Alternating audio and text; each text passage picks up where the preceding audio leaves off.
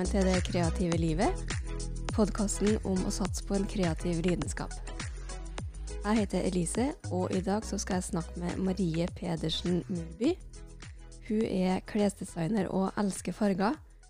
Hun tør å kjøre på med farger som gir deg energi. Hun starta da korona stengte ned, og har siden jobba med egen business, og kommer nå ut med ei ega bok. Hun har kledd opp flere kjendiser og influensere, og har lansert en egen badekolleksjon. Klærne hennes er unike, og noe du ikke finner mye av i tradisjonelle butikker. Hun gjør mote til noe artig, og diskoklærne gjør deg lyst til å danse. Hun er òg åpen om egen sykdom, og jeg lurer på hvordan det er å sjonglere det å være businessdame med det å være syk. Hvordan er det å samarbeide med store aktører? Hva er det som gjør at hun elsker sying, og hvordan ser hennes drømmebutikk ut? Velkommen til det kreative livet, Marie. Tusen takk. Takk for at jeg får lov til å komme. Det er veldig artig å ha deg i studio. Eh, aller først så tenkte jeg bare å høre litt For eh, vi skal snakke om eh, ditt kreative liv, men eh, jeg er veldig interessert i å høre om boka di, for den er jo i Yeah. forhåndssalg i disse dager. Ja. Ja, hvis du skal oppsummere boka med tre ord, ja. hvordan vil du si at uh, den er? Um, den er glede, fargerik og morsom. Og lærerik, så det blir fire ord. Ja, det går helt fint. Ja. Og uh, hvis jeg skal putte ord på det hva innsatsen min er, så er det blod, svette, tårer. Ja. Fordi jeg aner ikke hvor mange ganger jeg har fått en nål i fingeren min. Så mye jeg har svetta med å sy til alle de fotoshootene. Og tårer fordi at jeg har vært så sliten og lei eh, på enkelte tidspunkt med skriving av bok og alle de skjutene. Jeg hadde sånn skikkelig stressutslett. Oi. Det så helt jævlig ut i hele oh. ansiktet mitt når jeg hadde de skjutene, fordi jeg skulle vel sy 15 plagg på to uker. Shit. Og jeg er kronisk syk. Og Ja. det var mange modeller som trakk seg. Jeg tror det var ti som trakk seg til sammen. Trakk seg? Ja. Um, så jeg måtte da begynne på nytt hele tiden. Oi. Ja, det høres uh, ganske heftig Hev- ut. Ja, heavy. Uh, ja. heavy stuff. Men nå er den i forhåndssalg, Ja! og det er bare å klikke seg inn. Hvor er det du finner den? På Eh, den fins på Nordli som forhåndsbestilling, og på ark. Ja. Eh, og jeg gleder meg skikkelig mye til å få den i hendene mine. For da føler jeg på en måte at da blir det litt sånn uvirkelig, men til virkelighet. Fordi akkurat nå så er jeg sånn Altså, jeg, jeg har skrevet en bok. Den kommer i bokbutikken. Jeg er sju Ja. år gammel, og nå sitter jeg liksom med et produkt som jeg kan vise til alle de som ikke hadde troen på meg i fjor. Mhm. Ha, ha, ha, ha. Look what I have. Ja. A book. Made by Eh, myself. Ja. Det er jo kjempestas. Ja. Hvorfor ble det sying og Ja. Um, det er jo på en måte egentlig en sånn lang historie. Em, I can try to make it short. um, så det er sånn, Helt siden jeg har vært liten, så har jeg alltid vært lidenskapelig for det kreative. Altså, Fra før jeg kunne gå, så jeg sitter med blyanten og tatt sånn punktum, punktum, komma, strek. Det var hele Maries fjes. Så jeg har liksom Ja. alltid vært lidenskapelig for det kreative. Så hendene mine har aldri vært rolig. Enten så har det vært hekling, strikking, maling, tegning, perling. Altså det har alltid vært noe. Em, og så fikk jeg kyssesyken da jeg var 13. Og det var egentlig en sånn stor omveltning for en så ung jente. Eh, og det var da jeg liksom fant ut hvor viktig det kreative var for meg. At jeg følte det som at det var denne rømningen og en trygg plass for meg å være meg selv på. Og gjemme meg bort på. Um, og da jeg skulle søke videregående, så visste jeg at jeg kan ikke ta studiespes, for da hadde jeg bare falt ut med alt, alt de problemene jeg har. Um, og da fant jeg ut at det var en linje som het design og tekstil. Ja. Og jeg elsker å utfordre meg selv, og jeg har alltid elska mote. Og liksom kle meg og style ting. Så var jeg sånn hm, Det kunne vært kult å liksom lære meg å sy, da. Liksom Sy egne klær. Hvor fleks er ikke det, liksom? Sånn, Mhm. Dra på fest, og så er det bare 'Å, hva skal du ha på deg, Marie?' Nei, å, jeg kan sy meg en kjole. Ja. Så det var egentlig sånn det begynte. At jeg, jeg begynte på tekstil på videregående. ja. Så jeg har vel sydd nå i Ja, det blir fire år, da. Oi. Ja. Du har kommet sykt langt på fire år, da. Takk. Eh, for det Gikk du ut av videregående i fjor? Yay! Ja. Ehm, og etter det så har du jo bare vokst og vokst på Ja, det har virkelig gått i ett, Ja. for å si det sånn. Um, hvordan er livet som sydesigner? Um, Eller sydesigner er kanskje feil ord. Klesdesigner. Ja, klesdesigner. Jeg, liker, jeg, jeg likte sydesigner òg. det er veldig gøy, men det er liksom veldig variert. Liksom no, noen perioder er veldig veldig hektisk, andre er ikke så hektisk, hektiske. Um, så jeg syns det er veldig blanda. Mm. Og til tider kan det være ganske slitsomt. Men det har gitt meg utrolig mye glede. Det har vært skikkelig gøy, og det har vært en måte for meg å vokse som person på. Eh, finne ut mer hva jeg vil i livet. Finne ut liksom mer hva, hva jeg liker, hva jeg ikke trives med. Hva jeg kunne tenkt meg å gjøre mer av, hva jeg ikke kunne tenkt meg å gjøre mer av. Så det er på en måte Jeg mener at alt skjer av en grunn. Så det lærer jo så mye på veien. Altså, det å starte en bedrift, det er på en måte den læringskurven. Det er liksom fra 0 til 100 på to dager. Ja, for hvordan gjør en det egentlig når en har lyst til å uh, enten uh, bli kjent for uh, arbeidet sitt eller lage en bedrift? Er det Instagram, TikTok, bla, bla, bla? Eller er det lag enkeltmannsforetak? Eh, hvor starter du da? Um, ja, på en måte Det høres kanskje litt rart ut, men jeg har på en måte alltid gjort det hjertet mitt føler for. Tenk så klisjé. så jeg har på en måte alltid bare gjort det jeg har følt for der og da. Så jeg har egentlig aldri hatt noe sånn mål og mening eller sånn Å, om 20 år skal jeg åpne klesbutikk, og om 30 år skal jeg være Gucci, liksom. Men jeg har på en måte bare gjort det som har gjort hjertet mitt glad, og det som har gitt meg energi. Ja. Um, så det begynte egentlig som en Instagram hvor jeg på en måte ville dele arbeidet mitt med andre. eh, Slik at jeg kunne skape meg et uh, samfunn eller kollektiv, da, hvor man liksom kunne dele tips til hverandre, man kunne få ta inspirasjon av hverandre. Eh, en sånn trygg plattform hvor man kunne liksom se alt det man mestra, fremfor det man ikke kunne. Em, og så begynte det som en type portofolio, hvor jeg egentlig Ja. bare delte, for jeg ville jo studere etter videregående uh, på moteskole. Og så liksom, jo mer og mer tid jeg brukte og satt i den Instagram-kontoen, jo mer interesse kom det. Så jeg begynte jo å for uh, blant annet Join the Fabric. Em, Og så begynte jeg å for Fleed og noen andre sånne små merker. Og så ble det delt der. Og da fikk jeg jo mer følgere av det. Og så begynte jeg å teste andre mønstre og sy andre mønstre, hvor jeg kunne dele det med andre, så de kunne sy sitt eget. Og så begynte jeg å hacke ting og delte det. Og så liksom, hva skal jeg si, det, det ballet seg på en måte bare på at du begynte et sted. Og jo, jeg vil jo si at hovedtipset mitt, eller the main key, er på en måte det å sette av tid. Ja. Og at du må like det de gjør. Hvis ikke så blir det ikke noe gøy til slutt. Mm. Em, så det begynte med det. Og så når da lockdown kom, um, så sleit jeg veldig mye på skolen, og jeg syntes det var skikkelig mørkt. Det var en veldig tung periode for meg. Og det var jo min redning i syinga. Det er jo det som har redda meg fra liksom alt det jeg har slitt med. Og da kom det et tidspunkt hvor jeg liksom seriøst hadde sydd et klesskap til Amazonas, liksom. Altså, jeg hadde ikke mer plass til meg selv, og det var da jeg ville tenke nytt igjen. Ja. Fordi jeg er alltid sånn Jeg kan gjøre én ting, og så er jeg sånn Å, Marie, nå skjedde jeg meg. Tenk nytt. Ja. Og det var da tanken på det å starte egen bedrift. For jeg tenkte sånn Det hadde jo vært sykt fett å liksom sy til andre, da. At liksom jeg kan se en på gata, så har den på Murbe Designs, liksom. Ja. Det, er så, det var en veldig kul tanke. Og også en måte for meg å utfordre meg selv på, og ikke minst ekspandere meg. Fordi da jeg var liten, så hadde jeg en drøm om å bli kjendis. Eller YouTuber. Uh. Eh, for jeg har alltid likt på en måte det å kunne jobbe veldig variert, da. Mm. Men så ser jeg nå at jeg er født med en rakett i rumpa, så det å skulle sitte der og redigere og bli YouTuber, det var ikke helt min cup of tea. Men du syns det er greit å sitte lenge på symaskina?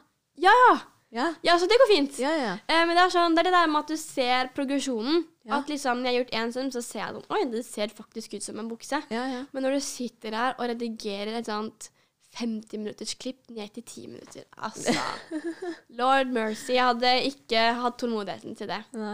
Em, så da begynte jeg jo den tanken på at jeg ville ha bedrift. da. Og jeg hadde jo entreprenørskap på videregående. Å, dere hadde det òg, ja. Yeah. Så snedig. Yes, that was good. Yeah. Um, men jeg må faktisk si at jeg lærte ikke så mye av det, for du lærer mye mer av å gjøre det praktisk selv. Ja. Så jeg visste på en måte hvor jeg skulle starte. Jeg visste at jeg måtte registrere meg i Brønnøysundregisteret. Mm. Fordi hvis du starter egen bedrift for å gjøre det lovlig, så må du registrere deg der, for da kan du Ah. tjene inn penger lovlig. Okay. Og at du er registrert, med tanke på MBA og sånn i fremtiden. Mm. Just uh, boring facts, but it's facts. Ja. Um, så jeg begynte der, uh, og så visste jeg liksom hva det innebar siden jeg hadde det på videregående, så det gjorde meg ganske godt. Mhm. Og så um, begynte jeg å selge på Tice, og så begynte jeg liksom å tenke på ok, jeg må ekspandere meg selv, jeg har lyst på mye å gjøre. Og så fant Anniken Jørgensen meg på Tice. Ja. Eh, og det var veldig veldig stas. Det her var i mai i fjor. Det var, det var egentlig da det begynte å Ja. blåse opp. Ja. Eh, og hun posta et bilde. Og det var da det starta. Ja. Så det blir vel sånn dominoeffekt, på en måte. At når én posta, så var det en annen som likte den, og da ville hun ha, og så ville hun ha. Så det ble på en måte bare en sånn evig lang eh, rekke. Ja. Og det var jo dødsgøy. Så liksom Det starta med Anniken, og så ble det Ida Broen, så ble det Nina Sandbekk, så ble det Morten Hegseth, og så ble det Sigrid, og så ble det Linnea Myhre, og så ble det Gabrielle. Så liksom Altså, Ja. det er så kule navn, og du bare Sant? Ja.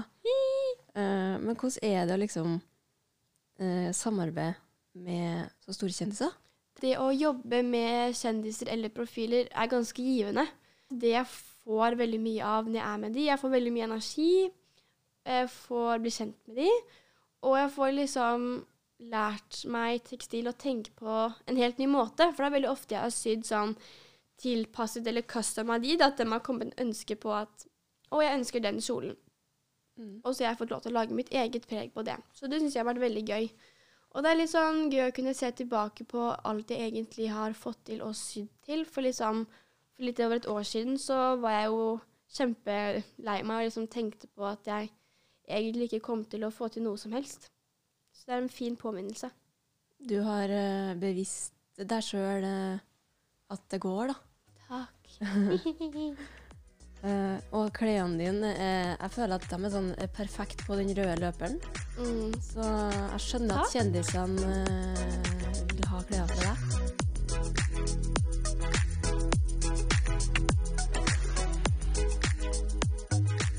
Hva er kreativitet for deg? Oi.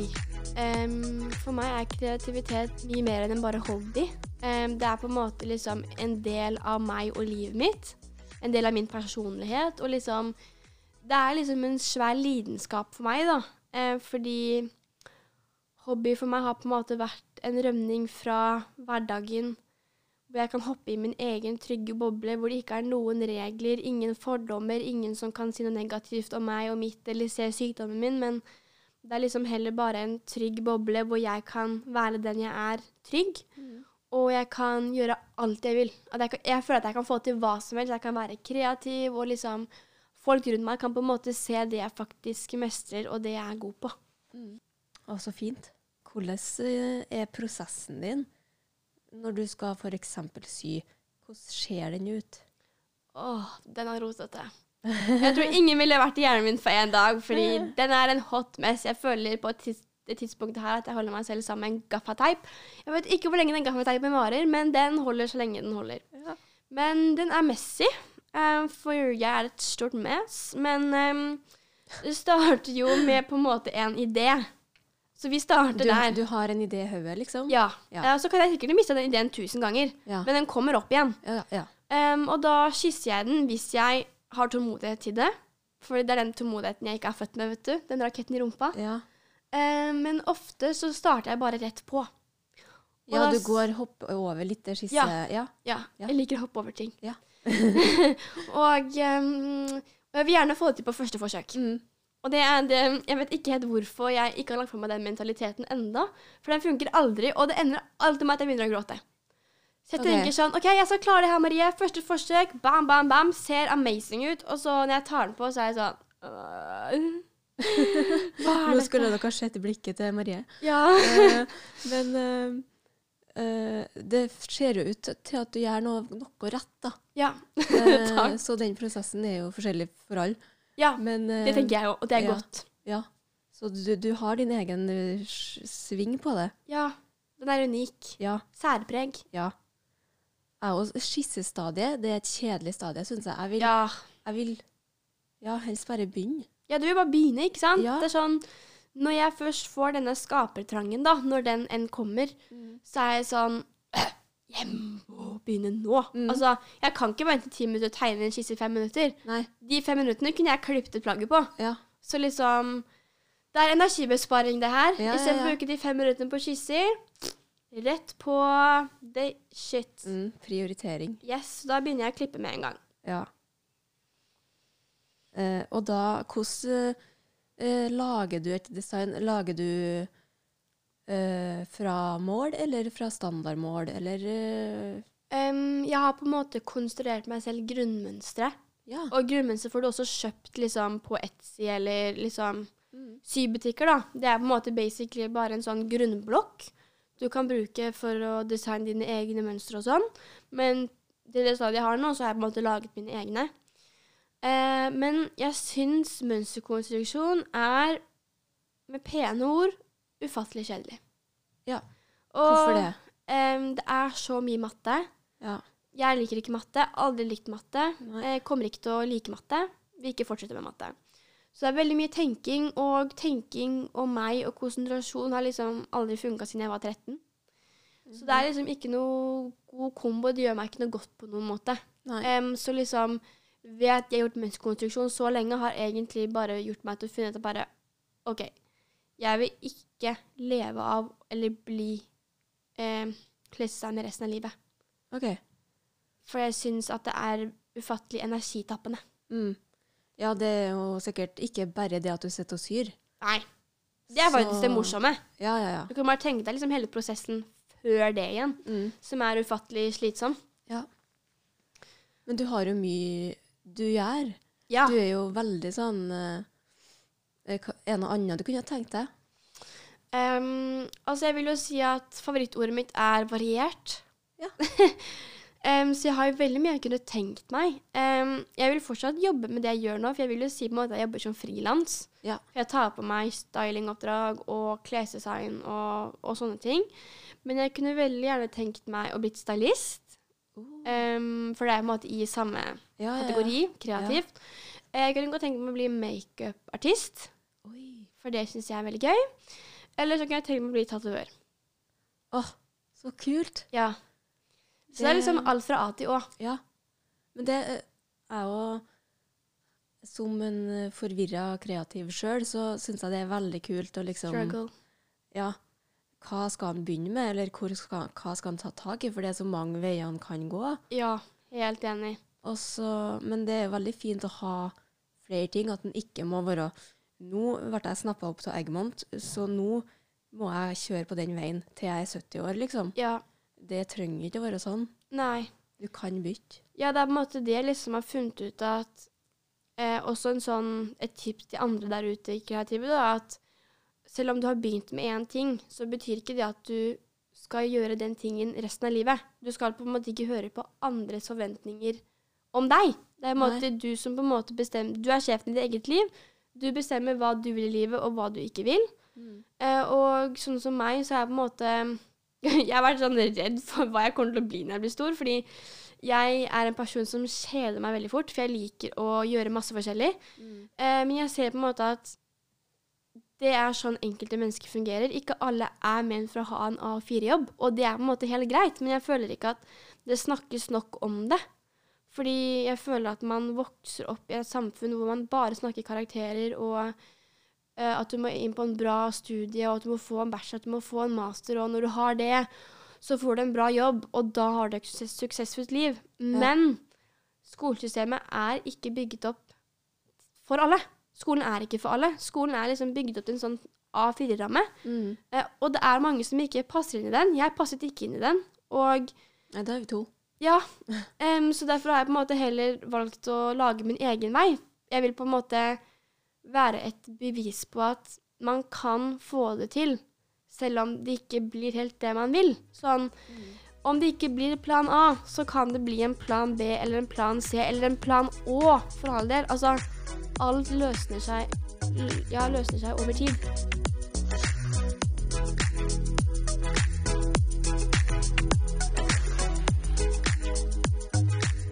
Du er jo ganske åpen eh, om at eh, du har ME. Ja. Eh, og du jobber frilans. Ja. Eh, hvordan eh, sjonglerer du livet med? ME? Ja, det var det. Jeg kan stille spørsmålet til meg selv dag, den dag i dag. um, det har vært en lang vei Og jeg føler at Og jeg tror egentlig alle kronisk syke kan gjenkjenne seg i det, men det er på en måte en endeløs vei. En endeløs læringstid i å ha en kronisk sykdom. Du, du kommer alltid til et punkt hvor du på en måte har funnet ut av alt, akseptert alt, fordi det kommer alltid noe nytt. Altså, det er den problemstillingen, og så kommer det en ny problemstilling, og så er det noe du ikke har akseptert, og så liksom Det å bære en kronisk sykdom er, er en, på en måte en tung byrde, holdt jeg på å si, å føle på selv. Um, så det har på en måte vært en ganske lang vei å bare komme til der jeg er i dag. Eh, men jeg har en veldig snill mor, som på en måte er min støttekamerat og bestevenn oppi det hele. Og eh, rart å si, men hun kjenner kroppen min bedre enn jeg selv gjør. Mm. Eh, vi har et snev av ADHD. så liksom ME og ADHD er på en måte to motsigelser. Ja, hvordan er det? Det er jo helt Jeg vet, motsatt. det er helt motsatt. Så liksom, når jeg da har en veldig dårlig periode med ME da, og er sengeliggende for jeg ikke klarer å bevege kroppen min, så har du da hjernen som liksom er seriøst i tusen og er sånn OK, jeg vil sy ny kolleksjon. Hvordan skal kolleksjonen være? Jeg vil ha farger i kolleksjonen. Hva skal det være? Jeg vil ha et motiv. Hva skal jeg spise til middag i morgen? Hva er det jeg skal ha på meg antrekk i overmorgen? Hva slags sminke skal jeg gå med? Hmm. Altså, det var veldig sånn eh, Hodet drar deg opp, og så drar kroppen deg ned, liksom. Ja, så det er, det er veldig vanskelig, og det har også vært en vanskelig ting for meg å godta, på en måte det, de to motsigelsene, fordi jeg har da ofte pusha meg selv, fordi at hodet vil jo bare sånn Marie, gønn på, dra på den festen, eller dra på det eventet. Eh, men så vil kroppen egentlig ikke. Eh, og det må jeg da betale for i etterkant. Så det har Ja. vært sånn læring, prøving, læring, prøving, feiling, prøving. Du må legge inn hviledager og hvilestunder. Ja. Og sånn. Um, så det som egentlig har på en måte vært med Murbu Designs, det er at uh, i fjor sommer så bestemte jeg meg for å ta et fri, friår, i parentes. He, he, Etter videregående. Ja. For å Ja. på en måte fokusere på meg og helsa mi. Og Et liksom, friår. ja, ikke sant? Uh, jeg har jo sett, følg med deg på Instagram. Ja. Du har ikke hatt mye fri? Nei, jeg vet det. Det er, et, det, det er ikke et friår. Det er, det er det som er det morsomme. For mamma liksom sa at OK, vi fokuserer på helsa mi nå, friår. Ja. Sant? Det er ikke 1. april i dag, men man skulle tro det. Ja. Uh, men når da denne eh, diskovennen min tok av i fjor, så ble jeg jo så gira, ikke sant? For jeg følte sånn Endelig så kan mennesker se hva jeg mestrer. Jeg følte endelig at jeg var god i noe. Jeg følte endelig at, at folk på en måte aksepterte meg for den jeg var, og så meg for det jeg kunne, og ikke motsatt. Så da kom jeg i en sånn endeløs spiral, da, hvor jeg bare måtte lage, lage, lage, lage hyperfokusering, hyperfokusering. Men likevel så ville jeg på en måte ikke helt se hva kroppen min ga signaler. Em, så jeg, jeg klarte ikke å gjøre så mye, så jeg måtte jo obviously hvile. Men når jeg da hadde bitte litt overskudd og trodde jeg var mye bedre, så brukte jeg det på sying. Ja. Så jeg har ikke tatt ferie siden påskeferien i fjor. Jeg har sydd sommerferie, høstferie, påskeferie, vinterferie, juleferie. Jeg har liksom ikke latt meg selv få puste i bakken og høre på meg selv, da. Det eneste jeg har gjort, er å sy bestillinger, sy bestillinger, sy bestillinger. Og så gikk jeg jo på en smell i februar. For da har det på en måte Det her har gått for lenge. Ja. Og så har jeg ikke valgt å se signalene kroppen gitt meg, selv om jeg egentlig har sett dem. Har du funnet ut en, en balanse nå, eller? Um, jeg, har jeg har det ganske bra nå, fordi nå har jeg fått puste litt i bakken. ja. Og så Det her er ikke enden på Murby Designs, men jeg skal bare finne en annen måte å fungere med det på. Um, Ja. Så jeg har jo nå tatt en pause fra butikken, eh, fordi jeg hadde dropp i januar, og nettsiden min krasja. Så jeg fikk 70 bestillinger fremfor 15. Oi, det er, jo, det er jo ikke artig at det krasjer, men det er jo litt kult at det er så stor pågang, da. Jeg vet, men jeg gråt. jeg var sånn Åh. Hvordan skal jeg klare dette? Vi har. ME, jeg må høre på meg selv. Og så. Men så, liksom, jeg vil så godt Jeg er en pleaser, så jeg vil på en måte Ja. prise alle andre. Jeg vil på en måte liksom vise hvor takknemlig jeg er for at andre har hatt troen på meg og vil kjøpe diskoklær. Liksom. Herregud, så Mm. fett at Ja. folk har funnet den lidenskapen for alt det glitter og de fargerike diskoverden som jeg har skapt, liksom, i håp om at andre ville gjenkjenne seg, da. Mm. Fordi da jeg starta det her, så fikk jeg liksom høre av bekjente og sånn at jeg lagde bare klær til raringer, og at det var ingen som ville ha de klærne, for det var for spesielt. Så jeg kom ikke til å gjøre det noe bra. Oi. Em, derfor er det ganske kult å se nå på hvor bra det faktisk har gått, da. Altså, du har motbevist veldig mye mye på det året her, vil jeg si. Takk. Det er veldig hyggelig å høre. Og det synes jeg er litt sånn betryggende selv å vite òg, at jeg på en måte får igjen for all den tiden og jeg har gjort, da. Så mm. liksom Jeg har alltid valgt å holde troen eh, Ja. i tøffe tider, og mamma har alltid vært min hype Hype man. hva betyr hun? Um, mamma betyr egentlig alt for meg. Henne er bestevennen min. Henne er den som motiverer meg hver dag. Henne er den som på en måte har gitt meg den positive tankegangen, da. At liksom alt ordner seg, og selv om ikke ting går etter planen, så funker ting likevel. Og liksom, hun har alltid hatt troen på meg. Fordi foreldrene mine har liksom ikke gått noen sånn vei utenom det vanlige, for de jobber i bank og er snekker. Men så har du på en måte da meg som liksom gjør noe helt annet, fordi broren min er i læra. Men jeg er på en måte da kronisk syk, eh, går ikke på noe studie, begynte å få meg selv, lager liksom dissoklær til barn på fem år, men nå har på en måte den ekspandert til at em, unge mennesker også liker da. Ungdommer, unge voksne. voksne. Altså jeg har sydd til eh, bestemødre på 60 år.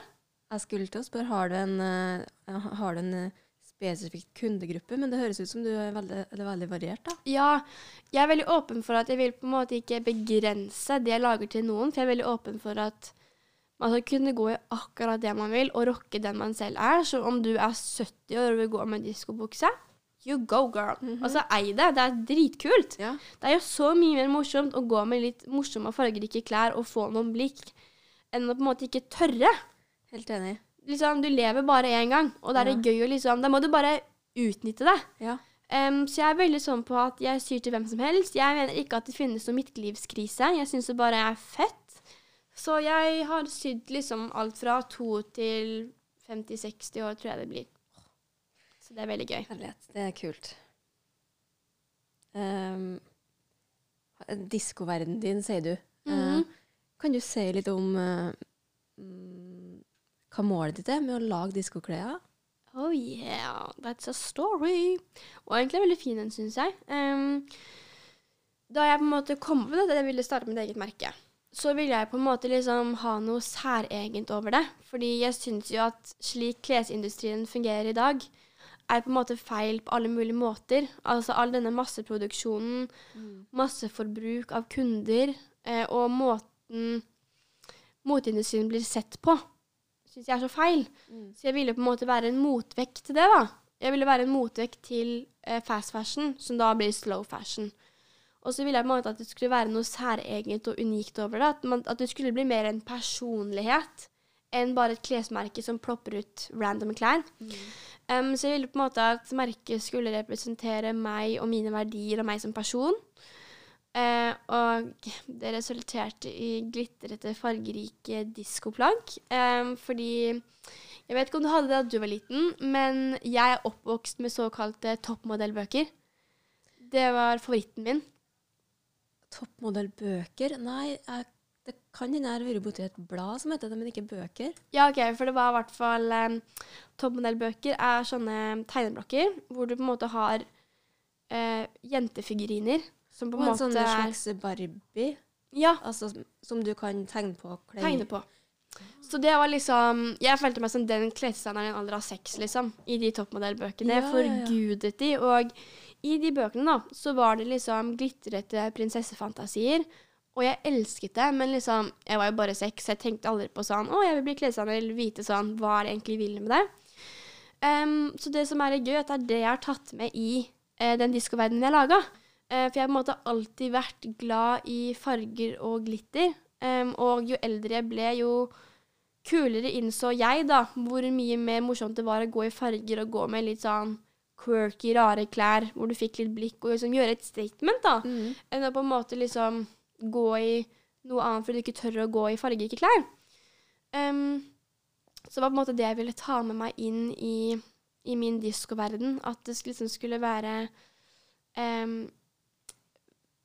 ideen og fantasien fra da jeg var liten. Em, og at det skulle være noe du ble skikkelig glad av. fargerikt, noe morsomt, noe unikt. Fordi jeg føler liksom at du har jo masse glitterplagg når du er liten, ikke sant? Ja.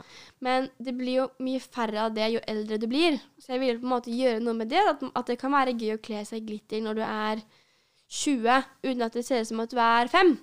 ja. Det er Um, noe med det, Ja, liksom. ja, ikke sant? Og så ville jeg på en måte at det skulle være en sånn trygg plattform.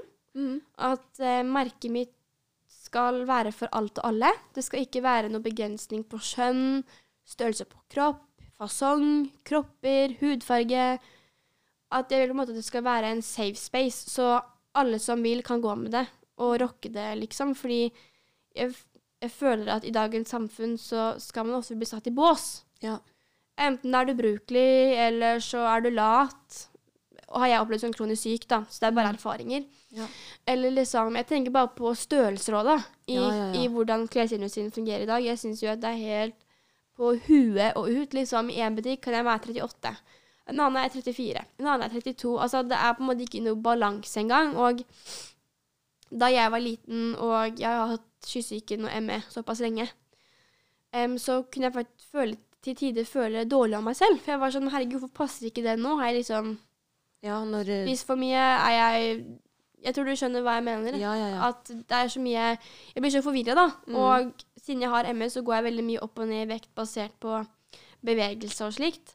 Så jeg ville på en måte at merket mitt ikke skulle ha noen begrensninger på størrelser, men at man heller skulle bli sydd til mål. Fordi at Ja. da slipper du å ha dårlig samvittighet for at du ikke passer en ekstra smål, at du ikke passer en smål, men at du heller kan føle deg så fantastisk som du fortjener å føle deg i din egen kropp. Fordi jeg syns alle kropper er fantastiske på den måten de er, og ingen bør føle på det å skulle forandre seg for noen som helst, eller føle seg dårlig om seg selv. Mm. Så det var egentlig sånn denne diskoverdenen kom til. En trygg, fargerik, morsom plattform hvor du kunne være deg selv, og noe du ble glad av. Altså, det er en veldig fin oppsummering av en veldig kul verden. Hva er tilbakemeldingene fra kundene dine? Hvorfor Um, liker de det så godt? Altså, det har vært sånn langt over hva jeg forventa meg. Så jeg er jo så takknemlig for liksom alt det jeg har fått oppleve, og alle gode ord. Altså, det er til tider jeg liksom har blitt rørt av hvor hyggelige folk er, og hvor hyggelige meldinger jeg får av mennesker til, til slutt, eller iblant. Eh, for jeg tenker litt sånn Det er faktisk godhet i mennesker fremdeles, siden det er så mye forferdelig på nyhetene om dagen. Ja. Men eh, den har liksom vært overveldende. Ja. Jeg har liksom fått Det er liksom folk som sa at de tør å være seg selv. Folk som har blitt trygge på seg selv. Folk som liksom tør å bare være seg selv, da. Og gjøre det de vanligvis ikke hadde turt. Og, og det å høre at jeg kan inspirere andre, det er liksom noe av det beste jeg kan høre. Fordi mitt mål med alt dette jeg har skapt meg, det har aldri vært å tjene penger eller skape et merke eller få kunder. Men det er liksom verdt å inspirere. Det er på en måte mitt største mål i livet, det er å inspirere andre. Og det er på en måte det jeg prøver på hver dag. Om det er å bruke mer farger, om det er å være mer trygg på seg selv, og bare gønne på å være litt mer spontan, fordi jeg er spontan. ja. Snakk om Eh, det korte apropos- håret mitt. Ja. um, ja, det er egentlig det beste jeg kan høre. Og um, etter jeg gikk ut offentlig, det høres veldig sånn stort ut, men da jeg gikk ut at jeg hadde kronisk sykdom i februar, ordentlig, Um, så har jeg liksom fått høre at uh, jeg er forbildet til andre. Og det er liksom Jeg kan nesten Ja. felle en tåre, liksom, fordi ja. det er så utrolig hyggelig, og det betyr så mye for meg. For jeg prøver på en måte å være det forbildet jeg kunne ønske jeg hadde da jeg var liten. Fordi da jeg var 13, så følte jeg at jeg aldri klarte å se opp noen eller gjenkjenne meg noen. For det var liksom ingen som hadde kronisk sykdom, eller som skjønte hvordan jeg hadde det. Mm. Um, så det er en måte det jeg prøver å være for andre, da. Ved å på en måte liksom bryte stigma, tabuer og fordommer rundt kronisk sykdom og fortelle liksom om egne erfaringer, om hvordan jeg klarer å balansere Ikke at jeg klarte det så veldig bra, men balansere frilans med sykdom og liksom livet generelt, da. Og at selv om ikke ting blir plan A, så er det en plan B, C, D, E, F, G, faktisk.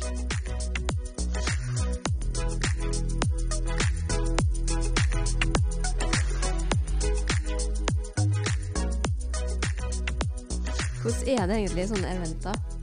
Kjendiseventer og sånn? Um, jeg føler meg som en? Jeg føler meg som en liten diskopromp. Eh, I liksom all den folkemengden. Eh, så jeg er ikke vant til det, men jeg syns det er utrolig gøy. Ja. Det er litt sånn I have to pinch my arm Ja. to see if it's a dream. Fordi det her har liksom egentlig vært drømmen min siden jeg har vært liten. Og liksom Føle på det kjendislivet. ja, for da er det rød løper og fotoshoot og he- hele ja, pakka. ja, men Ja. der har jeg ikke vært ennå, på rød løper og sånn. Men jeg syns det er utrolig gøy å være på sånne eventer, fordi at du blir kjent med så masse mennesker. Og Ja. Altså, mennesker er så rare. Altså, det er så, det er så gøy å se hvor forskjellige alle sammen er. Og Ja. jeg blir jo dritstartstruck, liksom. Altså, Sigrid har vært på soverommet mitt og prøvd klærne mine, liksom. Jeg sydde til henne. Oi. Liksom, kult. Hvor rart er ikke det? Det bare høres så vilt ut. Og liksom bestefaren min har hilst på Sigrid. så liksom han har hilst på en Altså, kjendis. Da har du sjekka av en stor eh, ja, Stor eh, Gold. Bragd. Ja, Ja, ja, ja. bragd. Det var, det var ordet.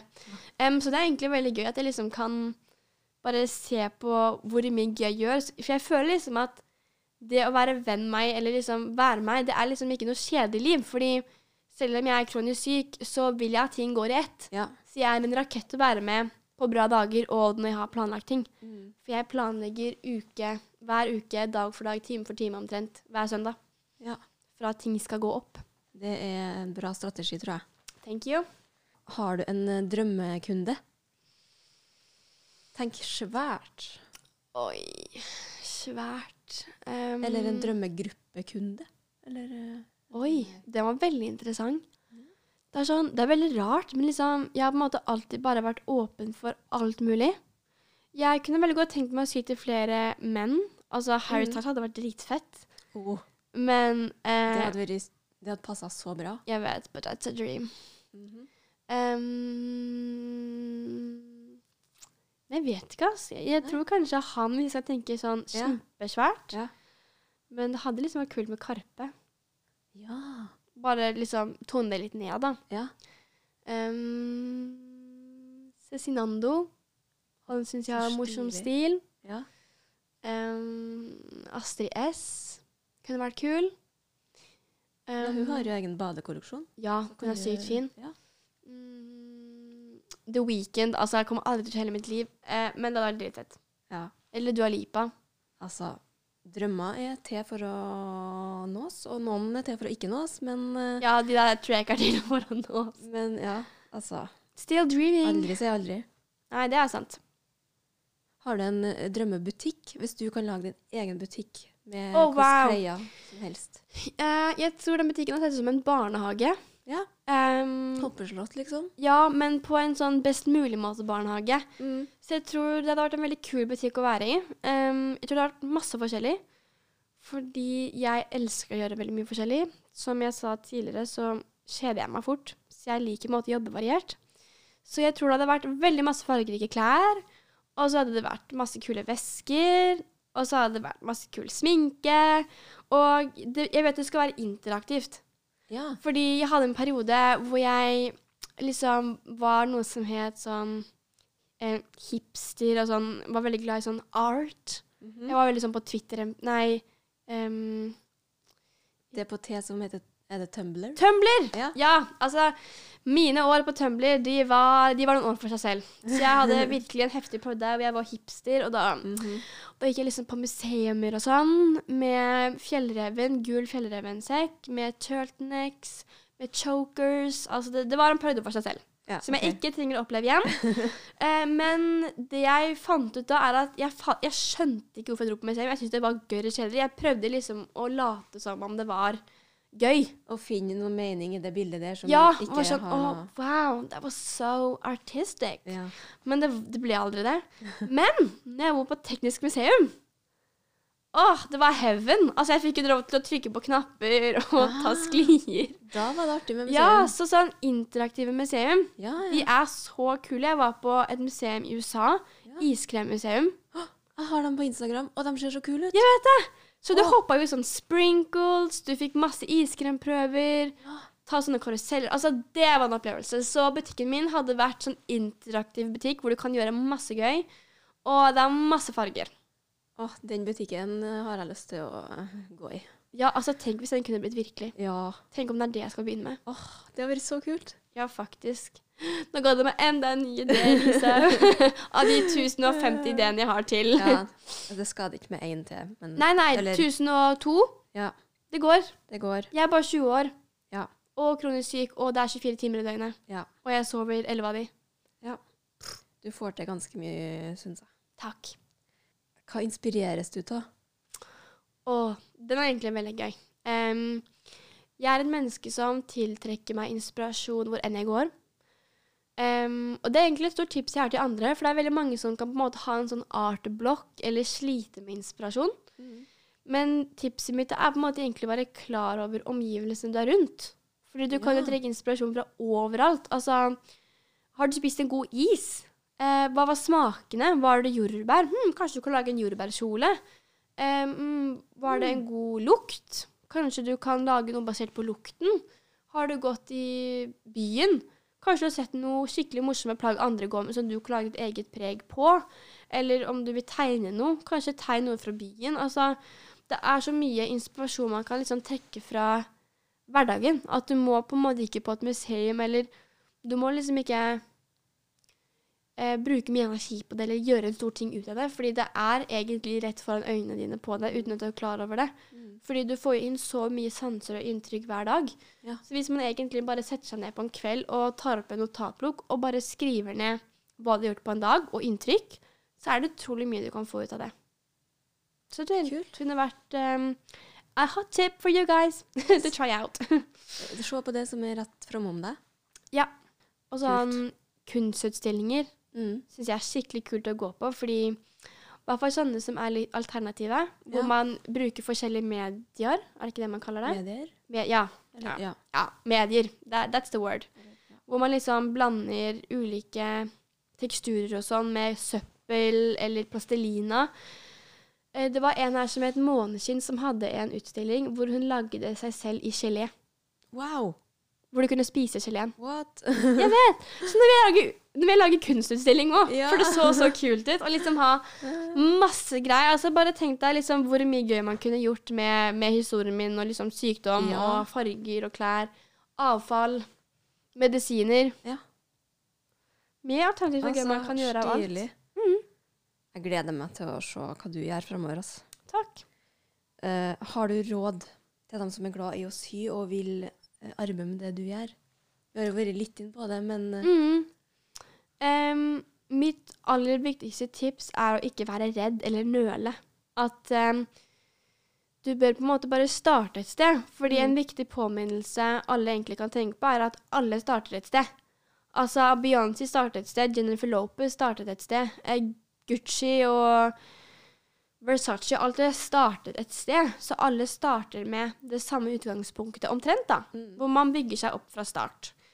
Så du vet jo på en måte at Jeg tenker at det er jo en trøst at du vet det. Så derfor anbefaler jeg egentlig bare å starte, fordi alle må starte et sted. Og du må ikke ha det beste av de beste materialene eller ideene eller liksom Du må liksom ikke egentlig ha en ordentlig plan engang. Nei. Men bare så lenge du starter. Fordi læringskurven når du begynner for deg selv, den er så stor.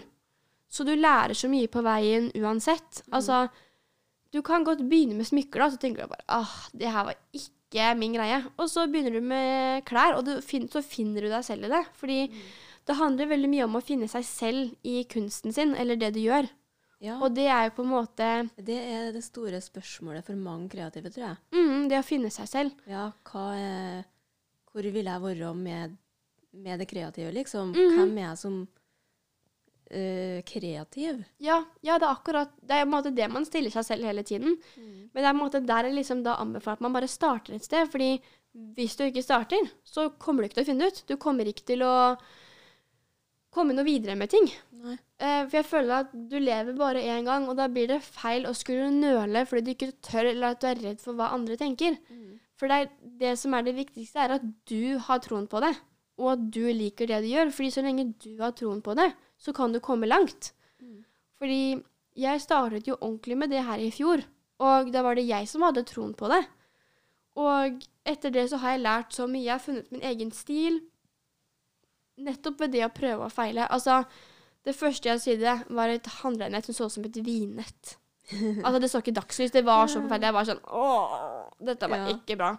Så liksom Du må bare starte, fordi uansett så vil ikke det første du produserer, være bra. Altså, Nei.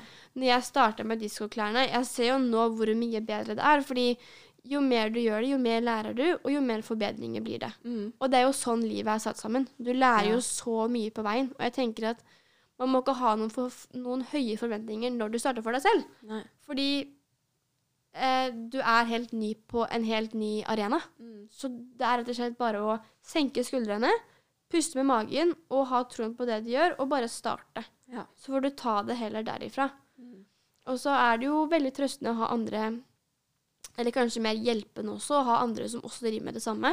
Mm. Jeg har jo flere som driver med lignende ting som meg, Ja. og da er det veldig mye man kan få hjelp av, og på en måte det å ha et samfunn òg, da, eller litt sånn community. Ja. For da kan man på en måte backe hverandre, hjelpe hverandre, da, hvis man skulle slite med noe, tvile på seg selv, Mm.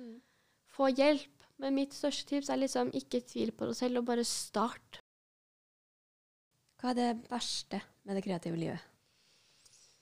Oi um, Det blir vel kanskje det Altså, kronisk sykdom er jo en stor del av livet mitt, om jeg vil eller ei. Og det blir jo det at den kroniske sykdommen um, tar mye mer plass enn det jeg ønsker. Og da eh, vil jo det si at da må jeg jo betale for det når det kommer til det kreative òg. Så jeg kan på en måte ikke bare være kreativ når jeg vil, eller når det måtte passe meg. At jeg må på en måte ha begrensninger. Fordi før så likte jeg å tro at sying ga meg mye energi. Så liksom om jeg drev med det åtte timer eller sju, hadde ikke noe å si, fordi det ga meg energi. Mm. Og det gjør for så vidt det, men det tar jo energien min, for jeg bruker kroppen min fysisk. Så det har gjort at jeg har gått på en del smeller noen ganger fordi at jeg har sydd så mye at det bare dreper meg. Så det jeg liksom syns er det verste med det kreative livet, er vel mer det, det med sykdom, at det tar opp så mye av livet mitt at jeg ikke kan drive med det fritt. Så det blir veldig begrensa. Og Mm. da blir jo kanskje ikke det kreative alltid veldig lysbetont, for jeg blir så sliten jeg gjør det. Ja. Og så må jeg gjøre det fordi det er jobb. Mm. Og så er det kanskje det derre med Sånn som med kolleksjoner, da. At det er det samme. Det samme, det samme, det Ja, samme. det blir at, mye repetisjon. ja, at det blir så forutsigbart. Ja. Og jeg liker å jobbe nytt og gjøre variert. Mm. Og da føler jeg ikke at det blir kreat kreativt lenger, når det på en måte blir den samme singletten for 300 en gang, liksom. Mm. Så det er vel kanskje det at det blir Når det blir repetativt, liksom. Det er mye av det Ja. samme. Og det når eh, det, sykdommen tar mye av det kreative fra meg med energi. ja, det kan jeg forstå. Ja. Men hva er det beste? Og det beste er jo liksom det å kunne skape noe eget. Eh, og jeg føler meg sånn skikkelig selvstendig når jeg driver med det. Jeg føler meg liksom Jeg føler meg som toppen av haugen, liksom kongen av haugen, når jeg driver med noe kreativt. For jeg føler liksom at, at det er min sånn trygge arena hvor jeg faktisk gjør noe jeg mestrer. Eh, og at jeg faktisk får det til, da. Så jeg synes det er veldig fascinerende hvordan noe kan gå fra en idé til å på en måte bli et faktisk fysisk produkt. At liksom, jeg kan sy mine egne klær, liksom. Ja. Jeg kan gå med noe jeg har sydd fra scratch. Hvordan altså, føles det? det er så rart og uvirkelig på samme tidspunkt, liksom. Bare det når jeg ser folk med klærne mine i byen, så er jeg sånn Det der har jeg sydd med mine hender, liksom. Det er så, det er så rart. Ja. Uh, og uvirkelig, hele den situasjonen der. Så det er vel det at jeg syns er det fascinerende med det kreative, at du faktisk kan lage noe helt selv fra ditt eget hode. Mm. Som kanskje ingen andre har gjort engang. Men det er ingen tøyler når det kommer til det kreative. Ingen regler. Du kan gjøre akkurat det du vil. Og det er det jeg liker med det kreative. Det siste jeg lurer på, er om du har noen planer framover? Ja um, Jeg elsker å ha planer. Jeg lever jo av å planlegge hver uke, så det er jo mye av de. Ehm, men jeg kommer med den boka til høsten nå. Ja. Uh, den kommer i butikk 22. august. Så da blir det på en måte mye rundt det. Ja. Uh, lanseringsfest og få se hvordan boka gjør det. Så det er jeg veldig spent på. Uh, men jeg har veldig lyst til å begynne på en ny bok. Oi, så spennende. Mhm. um, som jeg har veldig stor tro på. Kan du si noe om den, eller er Ja, det litt hemmelig? ja. Nei, jeg kan gi en sneak peek. Ja, ja. Um, jeg er veldig glad i å tegne. Ja. Um, så jeg har um, Det her var en av de mine 1003 ideer, faktisk. Ja, Som jeg fikk ut helt random. Uh, men jeg har veldig lyst til å lage en barnebok om kronisk sykdom og usynlige diagnoser. Oi, Hvor jeg liksom skal Takk. Hvor jeg liksom da skal tegne barn, da. ja. Uh, med liksom diabetes eller Crohns, ME Altså det er så mange sykdommer som nødvendigvis ikke synes på mennesker. Mm. Og på en måte det å kunne normalisere det for unge barn, det er på en måte da man er mest påvirkelig, Mm. tror jeg kan være ganske bra, da.